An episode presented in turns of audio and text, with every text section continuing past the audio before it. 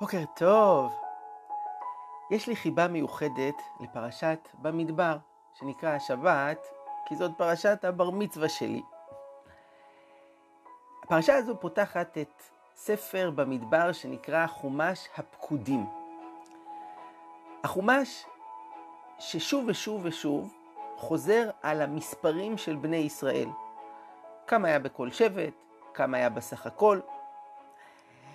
וזה מוזר, כי התורה היא הרי תורה נצחית. היא באה ללמד אותנו גם אלפי שנים לאחר מכן את הערכים הנצחיים, איך נכון לחיות. מה זה חשוב? שלפני 3,300 שנה היה בשבט זבולון 42,315 איש.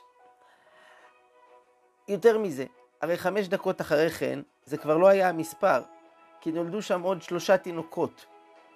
מה זה חשוב עכשיו? החזרה הזו, שפה היה המספר הזה, ופה היה המספר הזה, מה זה נותן לנו? ועוד שאלה אחת, שאולי תעזור לפתור את הראשונה. כשמשה ואהרון מצטווים לבנות את בני ישראל, כתוב, שאו את ראש כל עדת בני ישראל. כלומר, תרימו להם את הראש.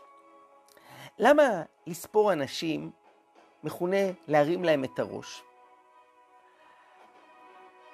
התשובה היא זו. כשיש לך הרבה אנשים, יכול כל אחד שנמצא בפנים להגיד, וואו, איזה המון עצום של אנשים. בתוכם יש לא מעט חכמים, מוכשרים ומוצלחים, בטוח הרבה יותר ממני. אני, מה אני שווה?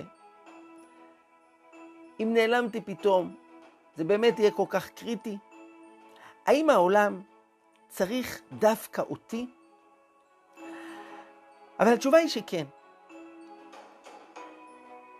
ביום הולדת יש איזו ברכה שאוהבים לתת, שיום הולדת זה היום שאלוקים החליט שהעולם לא יכול עוד להסתדר בלעדיך. זה משפט שנשמע חמוד, אבל הוא באמת נכון? מה, יכול להיות שעולם של שמונה מיליארד אנשים היה חסר עד שהתווסף אליו עוד איזה תינוק קטן וצווחני שקוראים לו אני?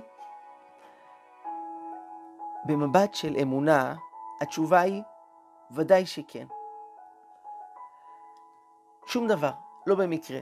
והעובדה שנולדתי עכשיו, בדור הזה, למשפחה הזו, עם היתרונות והחסרונות שלי, הם מדויקים בשביל התפקיד והשליחות שאני, ורק אני, צריך למלא בעולם.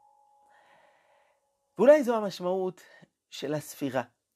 שאו את ראש, נצטווים משה ואהרון, תרימו את הראש של כל אחד שיסתכל בגאווה ויגיד, כן, אני. אם הקדוש ברוך הוא שם אותי פה, הוא בונה עליי, הוא מצפה ממני, יש לי תפקיד. דוד המלך אומר בספר תהילים, מונה מספר לכוכבים, לכולם שמות תקרא. כמה כוכבים יש ביקום? טריליוני מיליארדים. אבל מונה מספר לכוכבים, לכולם שמות תקרא. הקדוש ברוך הוא סופר כל אחד ונותן שם לכל אחד. ואם זה נכון על כוכבים, בוודאי שזה נכון על אנשים.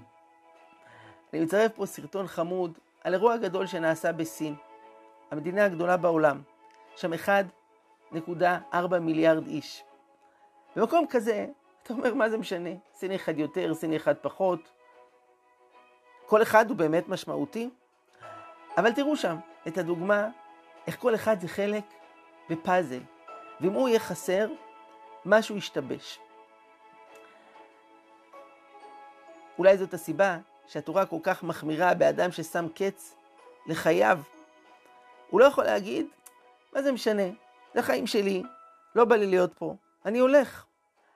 אתה לא יכול ללכת, העולם צריך אותך. תרים את הראש, תתמודד עם הקשיים, תיעזר במי שצריך, אבל אנחנו לא יכולים לוותר עליך. אני אסיים בטיפ שמובא בספרים למי שרוצה לדעת, טוב, אז מה השליחות שלי? מה התפקיד שלי? אז כמובן שיש יותר מתפקיד אחד בחיים שלמים. אבל אומר רבי צדוק הכהן מלובלין, שאדם ידע שבמה שהיצר מנסה כל הזמן להתגבר עליו, במה שקשה לו, שהוא מרגיש המאבק, זה סימן שדווקא במקום הזה יש לו שליחות מיוחדת ותפקיד מיוחד. זה נותן לכם איזה כיוון לחשוב על איזה אזור מיוחד, עניין מיוחד, שדווקא בו, עם כל הקושי, יש לכם איזה אור להביא לעולם? שיהיה בוקר טוב, ונזכה כולנו להרים את הראש ולמלא את שליחותנו, כי הקדוש ברוך הוא סופר כל אחד וכל אחת.